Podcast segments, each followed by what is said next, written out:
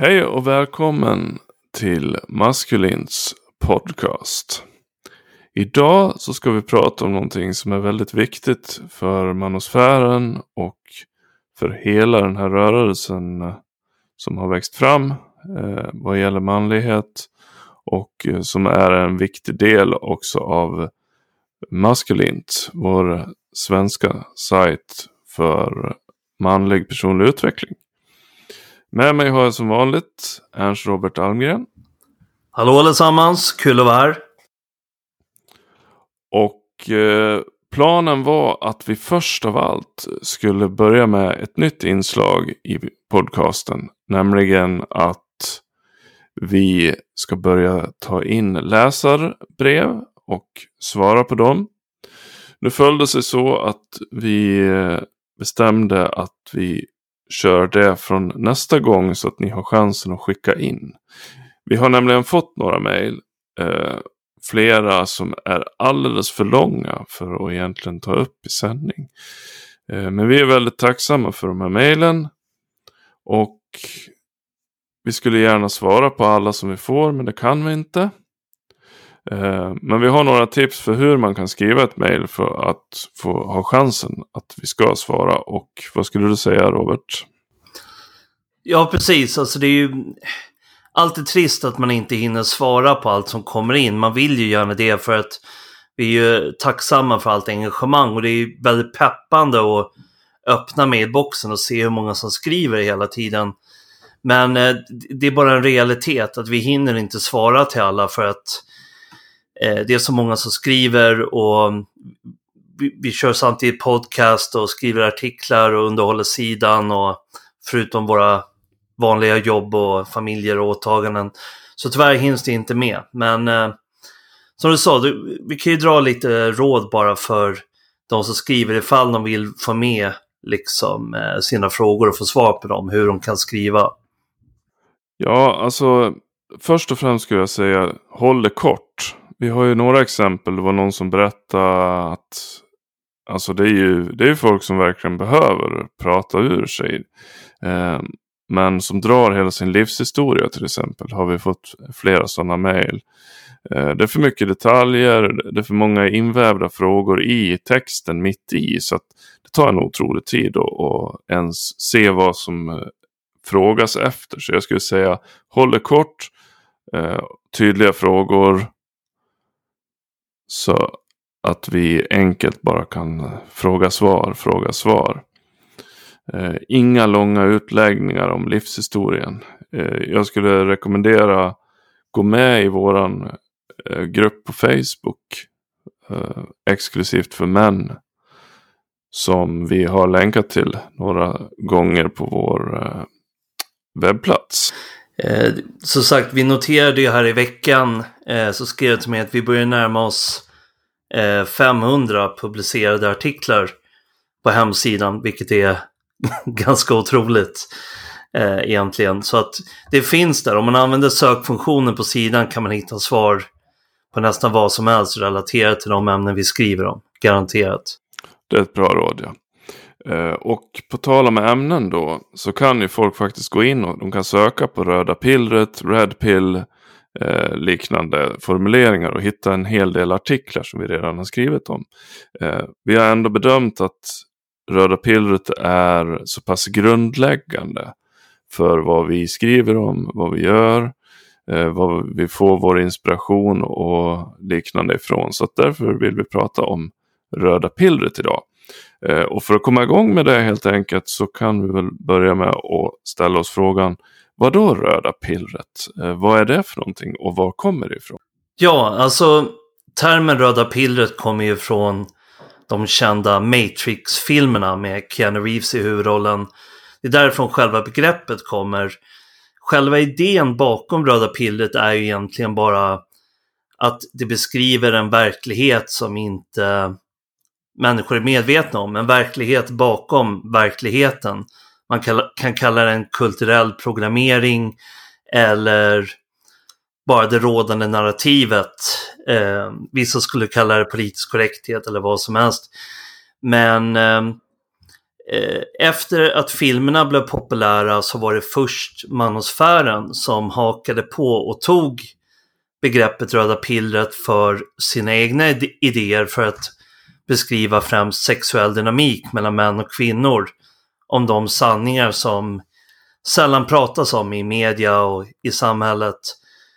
Eh, och sen under årens gång så har det ju kommit många andra grupper, politiska grupper och eh, kosthållningar och allt möjligt som använder röda piller för att beskriva sanningen bakom sanningen så att säga.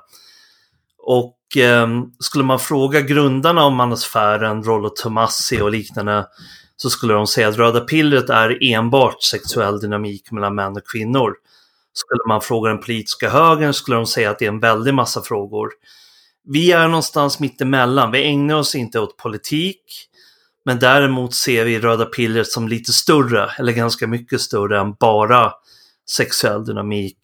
Vi pratar ju också om sanningar som rör mental hälsa, eh, hur man bäst organiserar sitt liv, alfa och beta kvaliteter.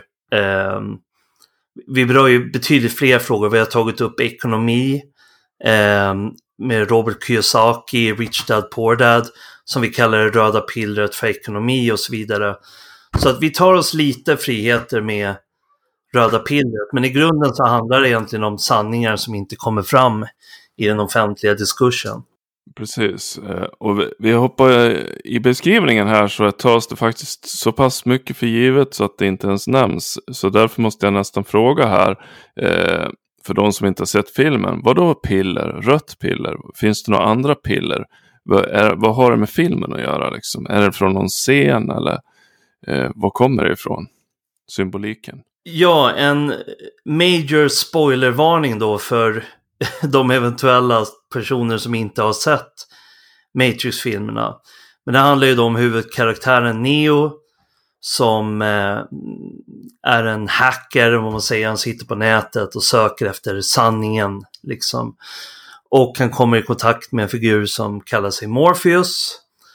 Och nu sammanfattar jag det väldigt kort och grovt, men eh, han kommer i kontakt med människor som menar att eh, Neo lever i en falsk verklighet, en datorgenererad verklighet.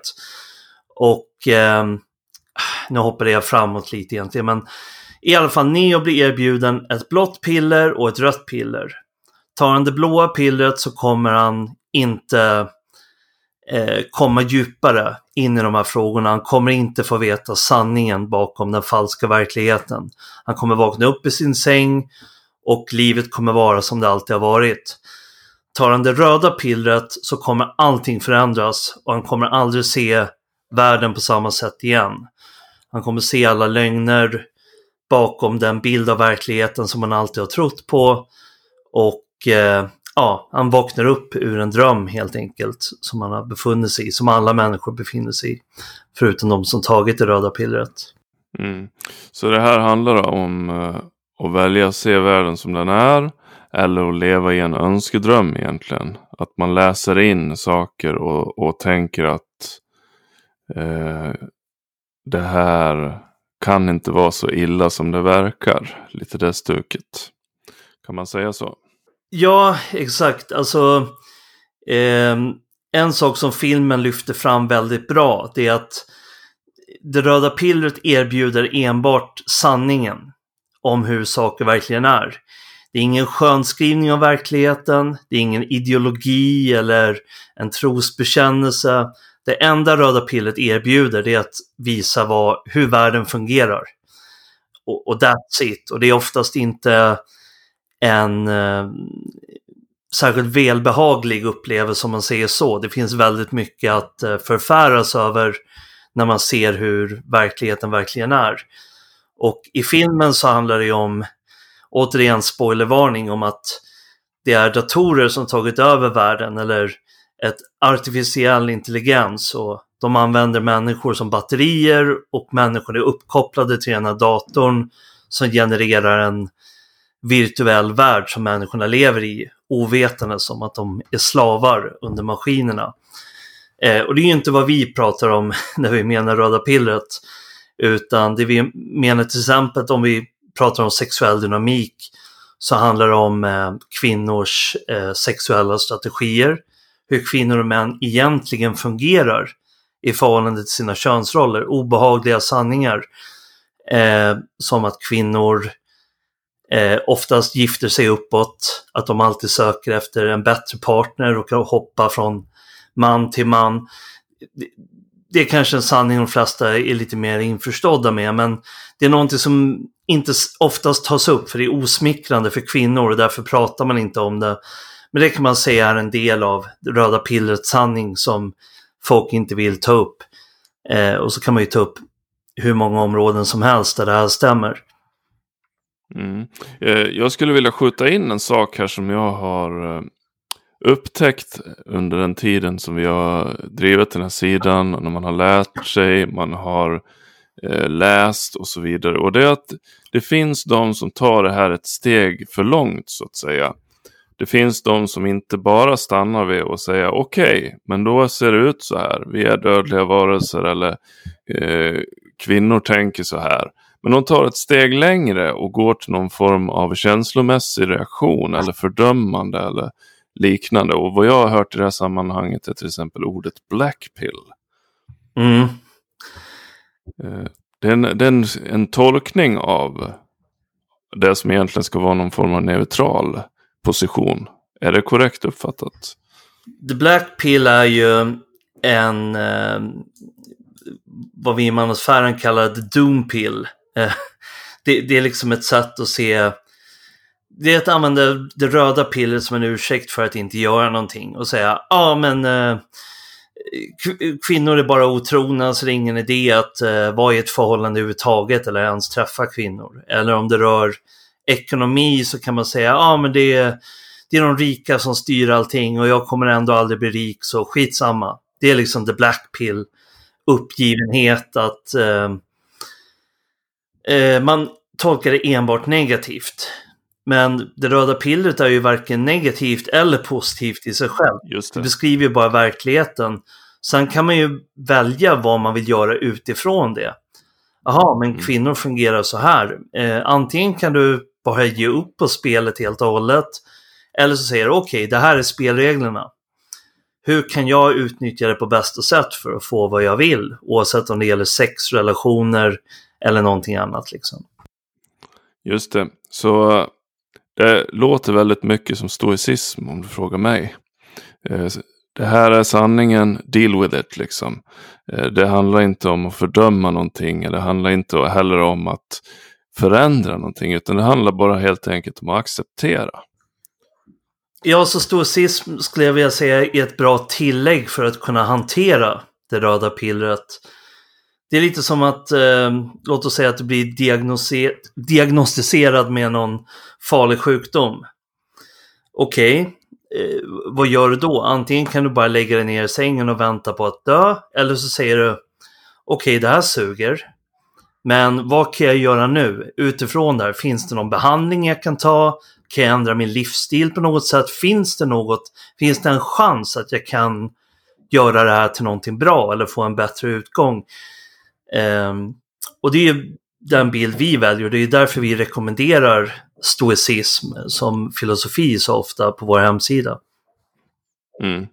Eh, om vi tar den här eh, som har varit mycket i ropet på sista tiden, incels till exempel, män som lever i ofrivilligt celibat, går gärna steget längre och fördömer kvinnor och beter sig rent aggressivt utåtriktat på grund av detta. Eh, kan man kalla incels för blackpill till exempel?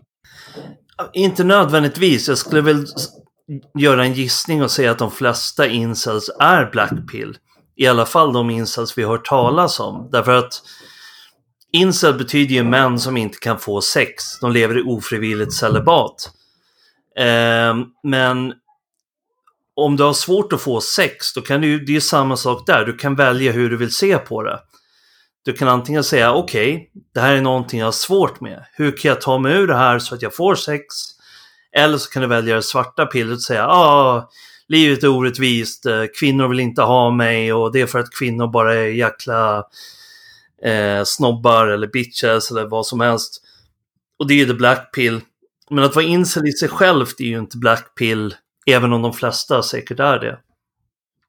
Just det. Eh, då tycker jag att vi har avhandlat egentligen vad eh, det röda pillret eller red pill egentligen är. Eh, men vi ska väl också tillägga att det står inte och faller med just att det heter röda pillret eller att det är ett rött piller, utan det här är ju en form av symbolik. Eh, annan form av symbolik som jag har hört är ju att man har öppnat ögonen eller eh, att man har vaknat ur sin dröm. Det är liknande. Det är ju symboliskt det här och sen att man använder en film eh, är ju bara ren symbolik. Det är, det är inget måste att kalla det för red pill utan det är en väldigt praktisk beskrivning. Skulle, skulle du hålla med om det? Ja, exakt.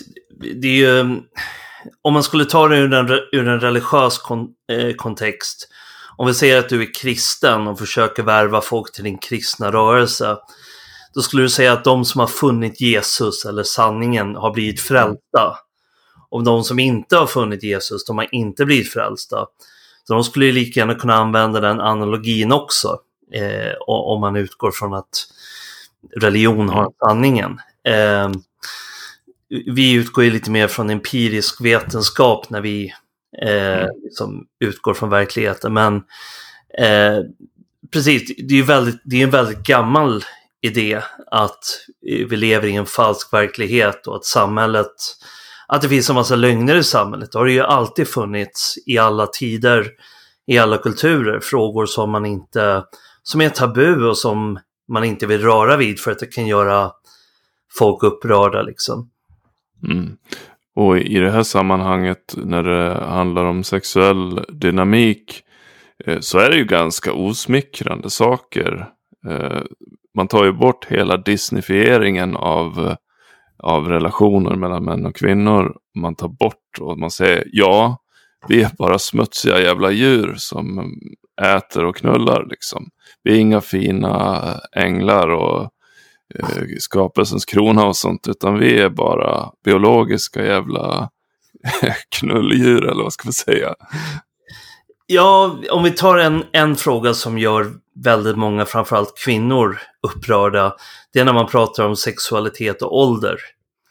Eh, för att det är ju så att rent vetenskapligt så är en kvinnas mest fertila eh, ålder någonstans mellan 18 till 25 eh, eller ännu yngre, men utifrån lagligt sett så är det deras bästa ålder för att eh, väcka attraktion hos män och kunna säkra ett förhållande och så vidare. Medan för män så är det någonstans mellan kanske 35 och 45 som är den ålder där de är som mest värdefulla för kvinnor.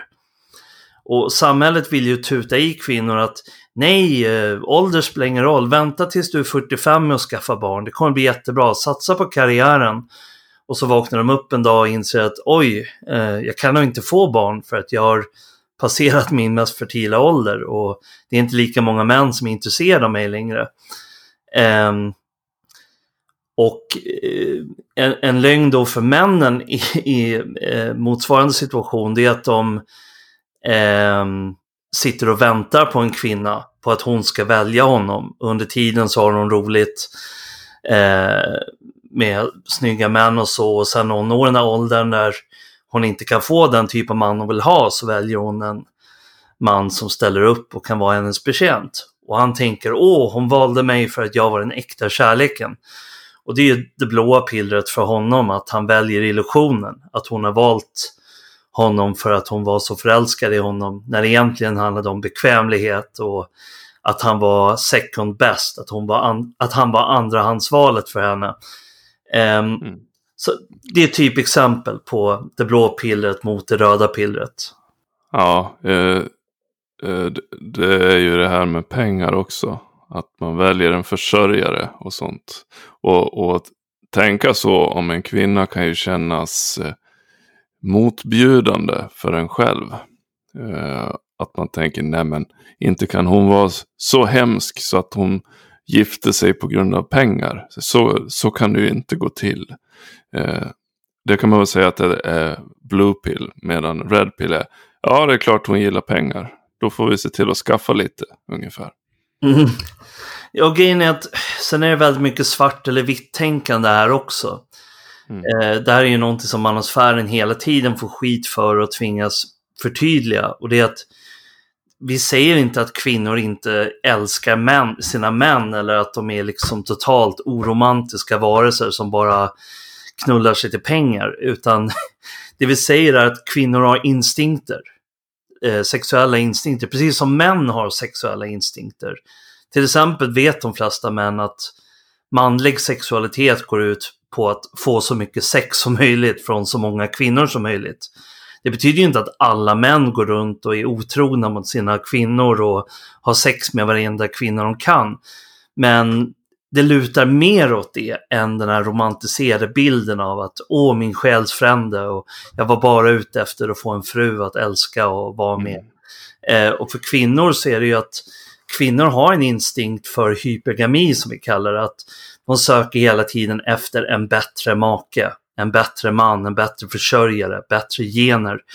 Eh, och det betyder inte att alla kvinnor hela tiden försöker att lura sina män och är liksom lömska varelser som bara är ute efter pengar och bra gener. Utan vi pratar om instinkter som påverkar oss väldigt mycket. Sen kan vi lägga band på oss själva och sådär. Precis. Jag skulle säga att bara insikten om ens egen biologiska natur gör att man kommer flera mil framåt i att faktiskt ta kontroll över sig själv och bete sig på ett vettigt sätt. Det vill säga som man inte vara ute och vara otrogen när man har en relation till exempel.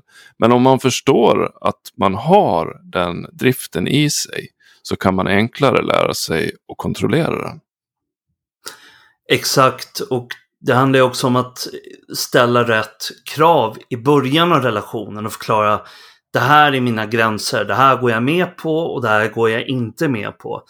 Så att till exempel en man som tagit det blå pillret, som träffar en ny flickvän och så säger hon Jo men jag vill hänga med mina manliga kompisar på helgen och eh, gå ut och dricka med dem och festa och jag kanske kommer hem klockan fem nästa morgon.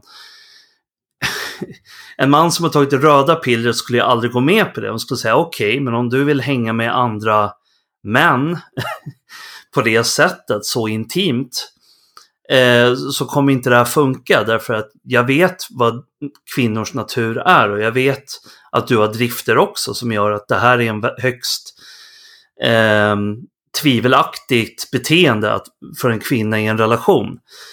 Eh, men för någon som tar ett blå piller så skulle jag säga nej, jag måste lita på henne för att eh, Eh, kvinnor är alltid oskyldiga, sköra små varelser som aldrig kan göra någonting fel. Och då blir han väldigt lätt lurad. Så har du tagit det röda pillret så kan du lättare undvika att bli sårad, lurad, bedragen och så vidare. Mm. Vad skulle man annars säga? Varför ska man annars ta det röda pillret? Och nu menar jag inte bara kring relationer utan jag menar röda pillret som, som vi ser det på maskulint, det vill säga rörande hela livet. Vad är fördelen? Får, blir man inte olycklig och har den här sy cyniska inställningen till tillvaron. Inga önskedrömmar, inga illusioner. Jag har ju skrivit en artikel om det här. Eh, där jag skriver att eh, röda pillret är en praxiologi och inte en ideologi. Det vill säga att det handlar om vad som funkar i praktiken. Och låt oss säga att eh, jag försöker komma på ett bra exempel men Eh, titta på vad folk gör och inte vad de säger.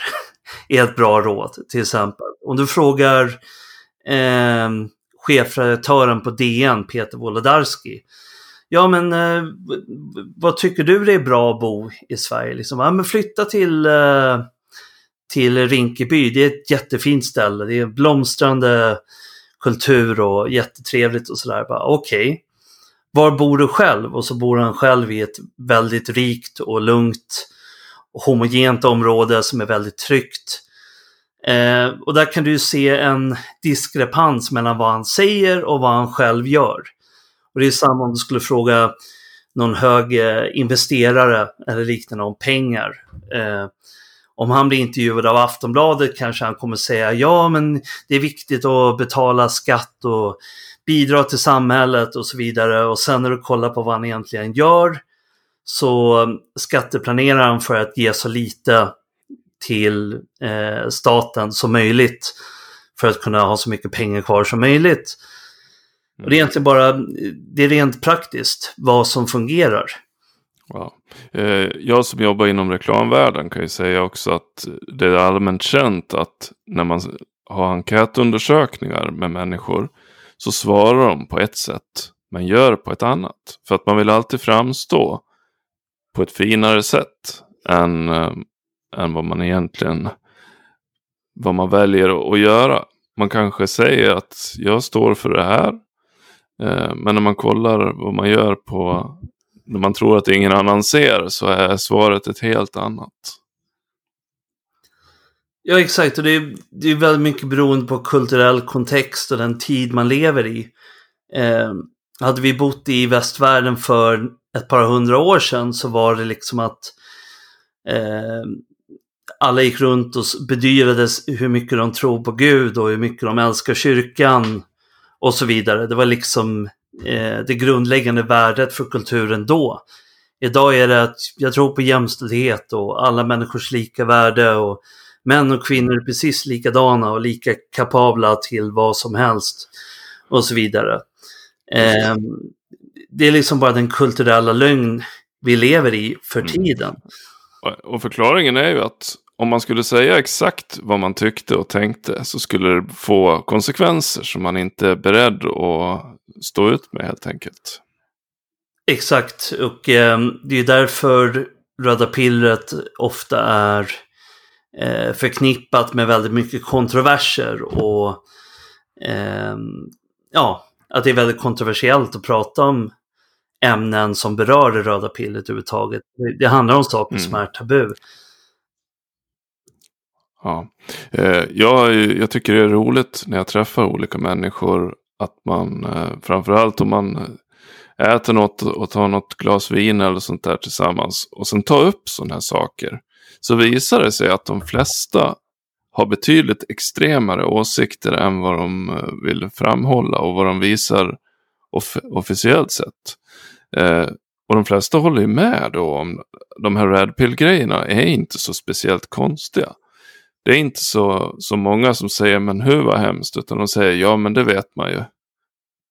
Eh, och det är helt vanligt folk som, som håller med om det. Men det pågår någon form av, av maskerad där ute som alla måste vara med i. Och ingen får säga egentligen vad man egentligen tycker för att det kanske inte är värt det helt enkelt. Man kanske blir av med jobbet eller vad som helst. Precis, de flesta väntar ju tills eh, någon annan tar bladet från munnen.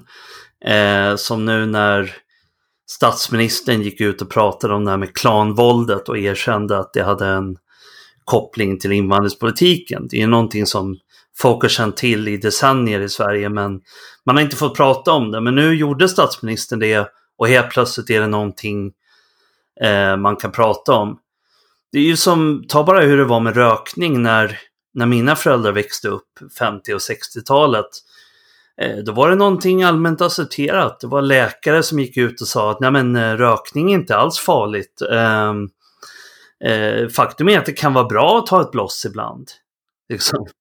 Och, och hade du gått ut då på 50-talet, mm, nu vet jag inte exakt hur diskussionen gick på den tiden, men jag kan tänka mig att för många om du sa att du kommer få massa sjukdomar och lungorna kommer förstöras så hade de sagt ja men oj vilken foliehatt. Jag vet inte om det var ett begrepp redan då, men att oj, du är visst en konspirationsteoretiker. Varför skulle det här vara dåligt? Eh, eller ta när vi växte upp eh, på 80-talet. Eh, när skolorna gick ut med råd som ät fem skivor vitt bröd om dagen. Det är bra. Idag vet vi att det är bland det sämsta du kan äta eh, för, liksom, eh, för din kroppsvikt och hälsa och allting. Hade du sagt det då? Nej, det är bättre att äta riktigt smör och riktigt fett och kött. Då hade de sagt, men du är ju galen, det där får man ju eh, hjärtsjukdomar och allt möjligt. Och idag vet vi att det är tvärtom. Eh, Men fortfarande så ligger ju media efter i det här, fast vetenskapen redan kommit fram till... Det, det finns en fördröjning där. Eh, från att man faktiskt vet någonting till att det är allmänt erkänt att prata om det. Mm. Det kostar att vara kontroversiell kan man väl säga sammanfattningsvis. Väldigt mycket. ja. Eh, för att gå vidare om det röda pillret. Eh, så finns det röda piller för kvinnor också gällande män. Vad skulle du säga? Jag tror att kvinnor generellt sett har en bättre... Eh, kvinnor är mer pragmatiska vad gäller relationer än vad män är. Rollo Tomas har ju sagt att eh, män är egentligen romantikerna och kvinnor är egentligen pragmatikerna. Och, och det stämmer. Det är, det är, män som skriver alla ballader om eh, förlorad kärlek och det är män som planerar romantiska middagar och sånt. Visst, det är för kvinnornas skull, men kvinnor är oftast mer pragmatiska. De tänker, okej, okay, kommer han vara en bra försörjare? Har han bra gener? Kommer han bli en bra far? Och så vidare. Medan män har den här eh, idén om den romantiska kär kärleken, the one, min själsfrände och så vidare. Och har en tendens att mm. bara slänga logiken ur fönstret när de blir förälskade. Och eh, lita för blint på sin kvinna, medan kvinnor är lite mer pragmatiska i det området. Däremot har ju kvinnor mm. absolut ett blue pill vad gäller att göra rätt val eh, i förhållande till sin egen biologiska verklighet. Som vi tog upp där med åldern. Samhället säger åt kvinnor nu att nej, det är, det är ingen brådska att skaffa barn. Det kan du göra när du är 40, 50 och 60. När den biologiska verkligheten är att eh, det, det börjar gå ut för redan efter 30 för kvinnor. Eh, och vid 35 så börjar det bli väldigt svårt att skaffa barn överhuvudtaget och väldigt svårt för deras kroppar och så vidare. Eh, det finns en väldig massa lögner. En annan sån blue pill-lögn eh, som kvinnor sväljer är att eh, kvinnor borde också ha Kvinnor kommer inte påverkas av att ha promiskuöst sex och gå runt och ligga runt med en massa snubbar. Därför de har blivit itutade den här Sex and the City lögnen om att kvinnor borde vara ute och försöka ligga med alla män de kan för att eh, ha roligt och, eh, och så vidare. Medan idag vet vi vetenskapligt att kvinnor påverkas på ett annat sätt av att ha många sexpartners. Och där har vi också skrivit en artikel om det jag länkar till studierna som visar att efter att en kvinna haft runt tio par, sexpartners i sitt liv så minskar chansen drastiskt för henne att kunna ingå ett eh, troget förhållande med en man. Och det är för att kvinnor påverkar, påverkas biologiskt och känslomässigt väldigt annorlunda än män av att ha många sexpartners. Har du några egna praktiska exempel från ditt eget liv? Vad är exempel på röda piller för dig? Oj, massor. Eh, det kanske viktigaste är eh, idén om den snälla killen. Nice guy, så vi brukar kalla det. Jag var ju en typisk nice guy tidigt i mitt liv i mina förhållanden.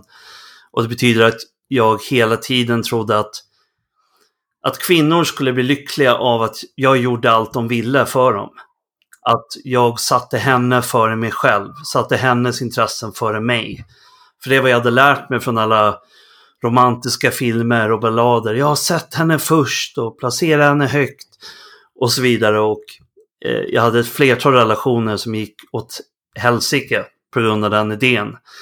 Och när jag kom i kontakt med manosfären och det röda pillret och jag började läsa artiklar om att nej, kvinnor vill inte ha en nice guy som gör allt för dem hela tiden. De vill ha en kille som är målinriktad, sätter sig själv först och har ett syfte han lever efter.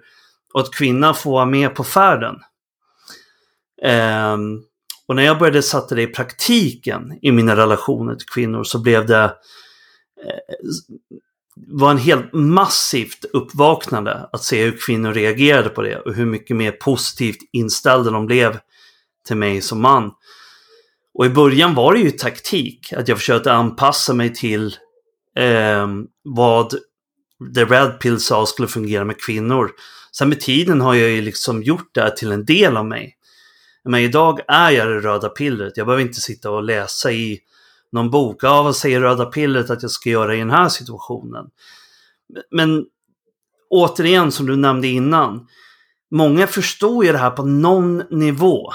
Det finns ju det här talesättet nice guys finish last. Alla vet ju egentligen att en kvinna inte vill ha något med som sitter och smörar för henne och gör allt hon vill hela tiden. Men trots det så är det vad de flesta män gör. Och jag skulle säga i synnerhet svenska män gör det här. Och inte bara i ja. förhållande till relationer.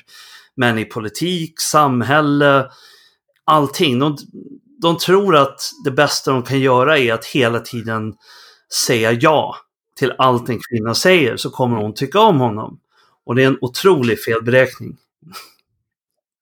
Just det. För min egen del vad gäller röda piller så var det mycket som uppdagas efter att jag skilde mig. Eh, framförallt så var det ju det här att man tror att man har varit ihop länge så är man safe. Eller något sånt där.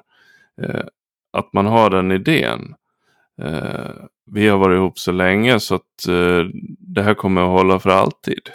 Eh, det var helt fel. För att om du eh, driver ett företag eller du har en, en relation eller vad som helst, du måste anstränga dig. Och, för, och inte anstränga dig för relationen, utan du måste se till att hålla dig intressant som person. Du måste se till att hålla dig i fysisk form. Du måste ha ett driv. Du måste jobba med dig själv. Annars kommer det inte att funka. Det spelar ingen roll. Du blir ointressant. Och sen kommer hon förmodligen först och ta första steget ut ur den här relationen.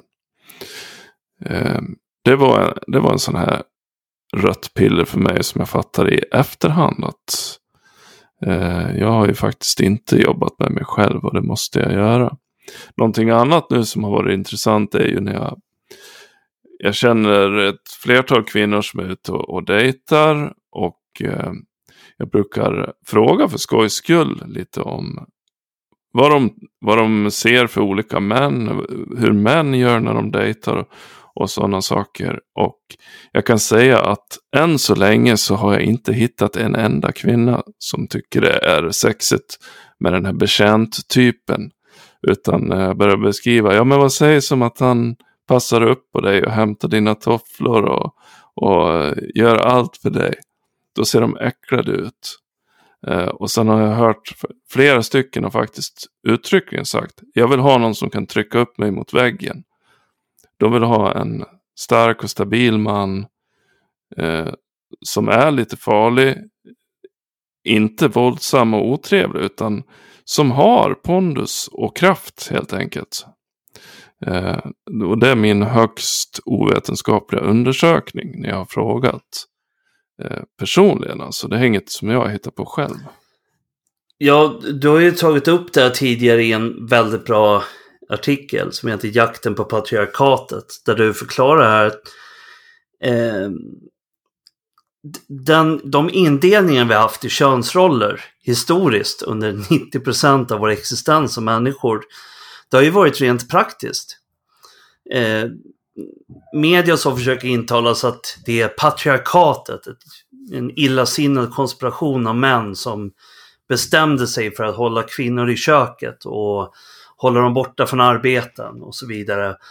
Medan i själva verket var det så att det var en praktisk evolutionär uppdelning. Att Mannen tog ledarskapet för familjen. Han hade som plikt att försörja familjen, försvara familjen eh, och, Eh, eh, och kvinnorna fick ha en annan roll, att de fick mer vara det som knöt familjen samman, som eh, tog hand om barnen när mannen var borta och arbetet och slet och så vidare. Och nu tror vi att eftersom vi levt några decennier i ett välfärdssamhälle där eh, staten kan fylla mannens roll och göra de här sakerna åt kvinnan. Så tror man att ja, men nu behöver vi inte männen längre till det här utan nu ska vi ha jämställt i allting. Eh, vi ska dela på hur vi är med barnen och kvinnan ska, kan minsann lika gärna vara försörjaren och så vidare. Men som vi vet från evolutionär psykologi så är det inte de här evolutionära instinkterna försvinner inte på några decennier för att vi har haft en, ett väldigt eh, hög välfärd och statlig kontroll och så vidare. Kvinnor vill i grunden fortfarande ha män som är ledare, som är bestämda, som kan liksom vara den lugna klippan för henne när det blir kaotiskt och så vidare. Ehm, det här lever fortfarande i allra högsta grad kvar i hur vi är byggda, liksom, både mentalt och fysiskt. Mm. Och jag kan höra framför mig nu när du säger det där att det kommer någon kvinna och säger Men jag är inte så. Nej, hon är en speciell snöflinga och eh, därför omfattas inte hon av hundratusentals år av evolution. Nej, Nej, men som vanligt vi snackar generellt här. Och den som inte fattar det, alltså jag är trött på att disclaima den grejen. Men, men så är det faktiskt, både för män och kvinnor. Uh, ja, du kan vara ett undantag. Men det är inte intressant. Vi snackar generellt. Helt enkelt. Exakt. Det är ju, uh, framförallt media och filmindustrin älskar ju att lyfta fram de här eh, undantagen från allting. Titta, här är kvinnan som åkte till Irak och krigade mot Isis. Och bara, titta, kvinnor är lika bra krigare som män. Okej. Okay. Det är fortfarande så hos de flesta familjer att om de har en inbrottstjuv försöka ta sig in i huset så är det mannen som ska gå ner på nedervåningen och kolla vad det är som låter. Eller om det är något otäckt eh, insekt eller djur i, i badrummet så ropar kvinnan på sin man att komma dit och ta bort det. Sen finns det undantag, självklart, men om man inte kan prata om generella distinktioner så kan man ju inte beskriva samhället överhuvudtaget. Det blir liksom... Kan, ja. Det går inte att prata om någonting alls. Så då kan vi avveckla språket och sitta och jodla istället. ja, men det var ju som Jordan Peterson sa i den här kända debatten mot Cathy Newman. När hon frågade Men vad ger dig rätt att eh, säga sanningen om du riskerar att eh, förelämpa andra? Och då svarade Jordan Peterson, jag parafraserar, för att kunna ha möjlighet att tänka så måste du riskera att förelämpa andra. Mm. Och det är ju så grundläggande liksom. Eh, ja. Exakt. Det är inte farligt att bli förolämpad helt enkelt. Det är, inte dödligt. Det är inget man behöver söka vård för. Nej, för, förhoppningsvis inte. Om det behöver det så fanns det nog värre problem än förolämpningen. Exakt. Uh, du var inne på det här när du snackade om dina egna erfarenheter vad gäller Red Pill. Så snackade du om det här att vara den snälla killen.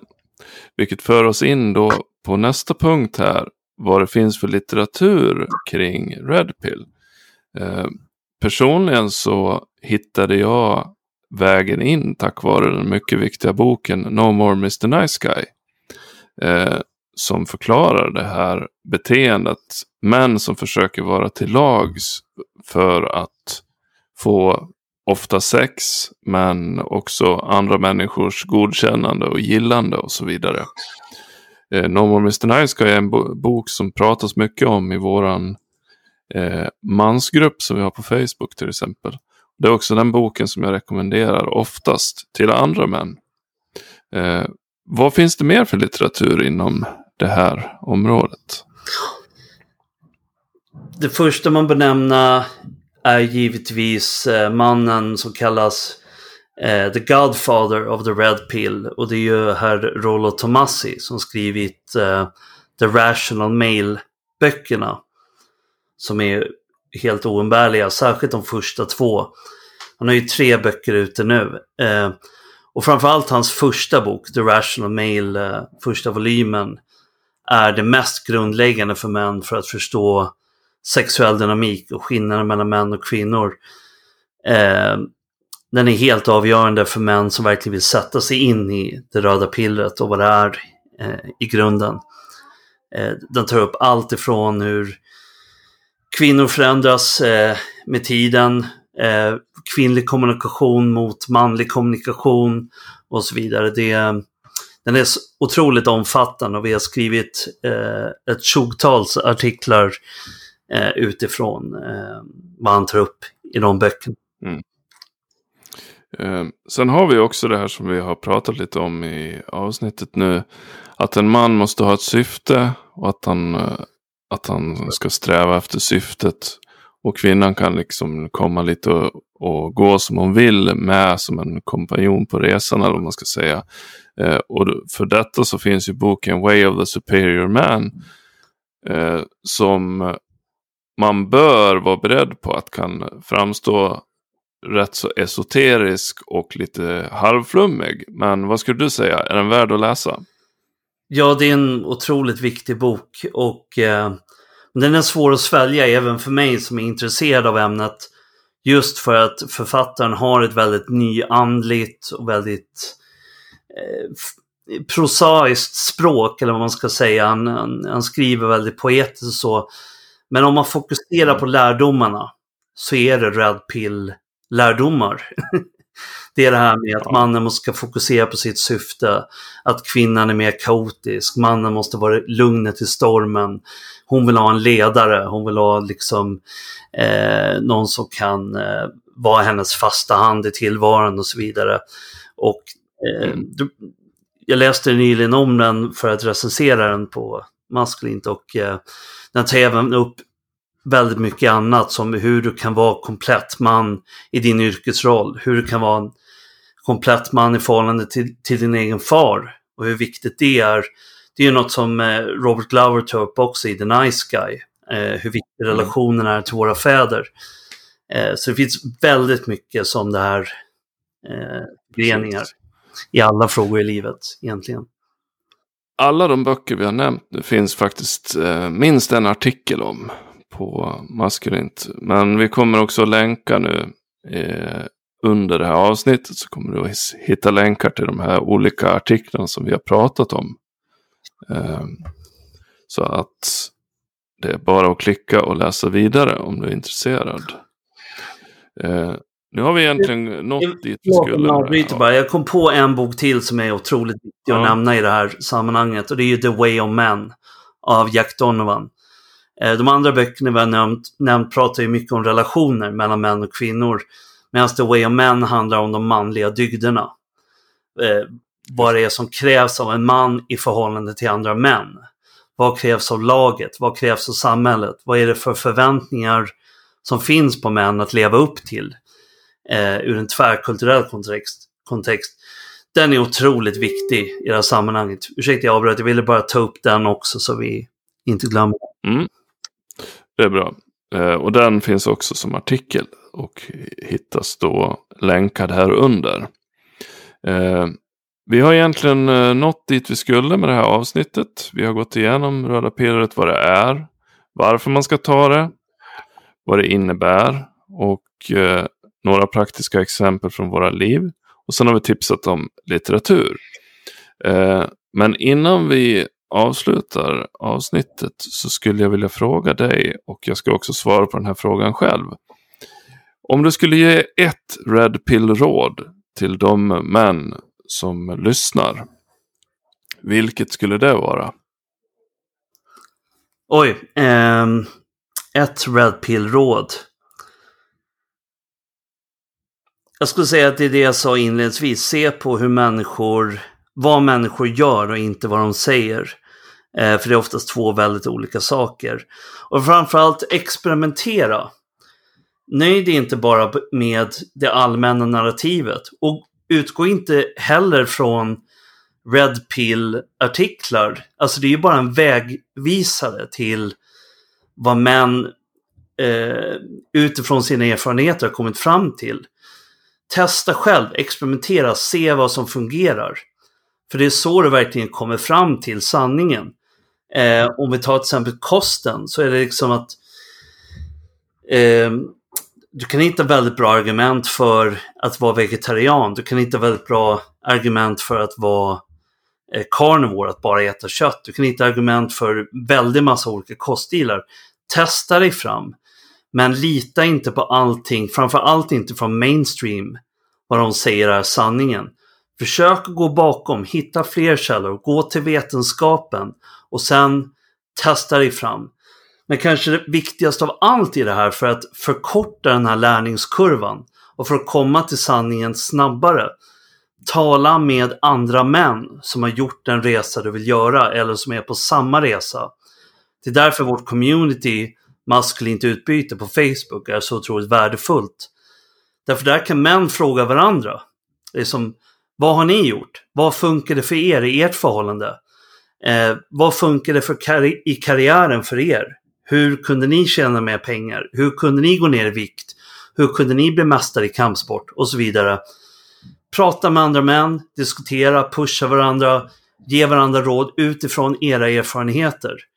Och se bortom mm. vad samhället och eh, den rådande kulturen runt om er försöker tuta i er.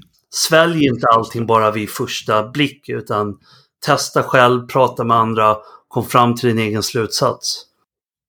Mm. Och den här gruppen maskulint utbyte, den kan ni söka medlemskap i. Vi råder er att fylla i de här eh, beskrivningarna ordentligt. Vi får många ansökningar där folk inte fyller i någonting. Eh, vi vet inte ens om deras konton är riktiga konton. Så lägg ner lite tid på det så har ni mycket större chans att bli insläppta där. Eh, och vi släpper inte in kvinnor kan vi säga. Eh, de försöker men eh, här, vi vill ha en skyddad zon där män kan öppna upp sig fullständigt. Det är hela målet. Sen vill jag ge mitt råd också vad gäller Red Pill. Som jag tycker är väldigt viktigt och som egentligen är själva kontentan av boken No More Mr Nice Guy. Och det är att du måste tala om vad du behöver. Du ska inte gå runt och dölja dig i, i dig själv och via dolda agendor försöka och, och lura till dig det. Ett exempel är till exempel män som städar huset, diskar, lagar mat eh, när, när frun är på jobbet och när hon kommer hem så förväntar han sig att det blir sex. Medan hon kanske kommer hem och är uttröttad av sitt jobb och bara vill eh, kolla på tv och gå och lägga sig. Eh, varpå han går runt och beter sig passivt aggressivt för att han inte fick som han ville enligt sitt dolda kontrakt. Det hade varit mycket bättre att han hade stoppat henne i dörren och sagt eh, du behöver inte gå in i köket. Gå upp direkt till sovrummet för jag vill ha sex med dig. Han är tydlig då och talar om vad han behöver. Det kan också gälla jobbet. Han ska tala om, nej, jag vill ha den här lönen eller jag vill ha den här positionen. Tala om det då. Annars kanske inte din chef ens vet det. Och sen tillsätter det till någon helt annan. Eh, så att No Mr Nice Guy, främsta rådet och rådet från mig är just var öppen med vad du behöver. Det är inte fult att vilja ha saker. Aldrig. Det är fult att gå dölja det för andra människor och via dolda kontrakt försöka smussla till sig det. Då är du en bedragare och en oärlig person. Var inte det. Det, det är ganska otroligt, om man får lägga till det, att eh, många tycker, eh, många betamän tycker att ah, jävla maskulina män som går, bara går runt och liksom eh, försöker ha sex med kvinnor. Ja, sanningen är att eh, en maskulin man som är säker på vad han vill ha är den som är minst creepy. Därför han är ärlig med sina avsikter. Och det är därför kvinnor är så misstänksamma mot betamän. För att eh, de försöker liksom smussla sig in i hennes trosor. liksom smyga sig in istället för att bara vara ärlig med sina avsikter. Mm. Uh, är det återigen uh, en av de här samhällslögnerna som de har gått på, uh, många av de här männen är att eh, kvinnor inte eh, har någon sexuella preferenser överhuvudtaget. Att eh, de måste bli deras kompisar först. Men det är helt tvärtom. Eh, kvinnor letar inte efter sex hos sina kompisar utan de vill ha en man som kan vara deras älskare. En man som kan leda dem. En man som är oberoende av henne. Så att det blir verkligen bakvänt för många betamän när de försöker använda sig av de här dolda kontrakten och liknande för att få det de vill ha. Mm. Det är ju ett stort svek. Man, man tänker, men jag trodde du, du var min vän. Och sen var du ute efter att, att ligga med mig i alla de här åren. Liksom. Hur schysst är det egentligen? Det är ju, det är ju oärlighet. Det, det är ingen bra vän som gör något sånt. Exakt, och samma killen som eh, sitter på jobbet och är en ovärderlig tillgång men som aldrig kräver en befordran eller en löneökning. Mm. Eh, han gör ju inte någon en tjänst utan han bränner ju bara ut sig själv till dess att han inte kan ha sin, den position han har. Eh, alltså, det är inte bara liksom någonting du har rätt till, att försöka tillgodose dina egna behov. Utan det är faktiskt ditt ansvar gentemot andra människor också. Mm. Hur ska man annars veta? Dels det, att hur kan annars andra veta? Men också om du inte tillgodoser dina behov så kommer till slut det är orättvist att lägga över det på alla andra och säga ni borde veta vad jag behöver och sitta och vänta på att någon annan ska ge det. Ni måste mm. ta er det. En riktig man går efter det han vill ha och han kämpar tills han får det. Han går inte runt och liksom försöker önska sig till det. Liksom, utan eh, Han är bestämd, han är målinriktad och han är redo att göra jobbet för att ta sig dit. Exakt. Och eh, genom att säga och göra vad man vill ha eh, så blir man också lyckligare. För man, annars sitter man i tystnad och många år och, och, hoppas att någon ska kunna läsa ens tankar, vilket sällan blir fallet. Eh, sen slutar det med att man bara blir olycklig. När man hade kunnat vara mycket mer framgångsrik och lyckligare. Det är inte så farligt att få ett nej faktiskt. Så enkelt är det. Ja, samma sak för män som sitter i dåliga relationer och eh, hoppas att det ska bli bättre. Mm. De gör både sig själva och kvinnan de är tillsammans med en otjänst. Genom att stanna i någonting som inte fungerar. Och det gäller ju kvinnan för den delen också. Eh, ni lurar er själva liksom och eh, fortsätter att slösa varandras tid på någonting som inte kommer sluta bra. Mm. Precis. Ja, med dessa ord så har vi faktiskt avverkat snart en timme här på ett, ännu ett avsnitt. Och då undrar jag, Robert, har du några sista ord? Nej, inte så här på rak arm. Jag tycker vi har tagit upp det mesta. Som vanligt, eh, skriv till oss och ställ frågor. Gärna, eller gå gärna in på våra sociala medier. Kontakta oss om eh, ni har funderingar kring vad vi har pratat om. Om ni har frågor, om ni har önskemål på saker ni vill att vi tar upp i framtiden så kan ni göra det. Och om ni känner er manade att faktiskt vilja ingå i någonting större och eh, bli en del av en gemenskap för män så kan ni ansöka till maskulint utbyte på Facebook. Vi tar bara emot några få åt gången för att vi vill att det ska växa långsamt så att vi eh, skapar en riktig gemenskap och så att eh, det blir en riktigt community. Men det finns som ett alternativ för de män som känner sig manade, som vill bli bättre och som vill utvecklas med andra. Så kan ni ansöka dit. Ja.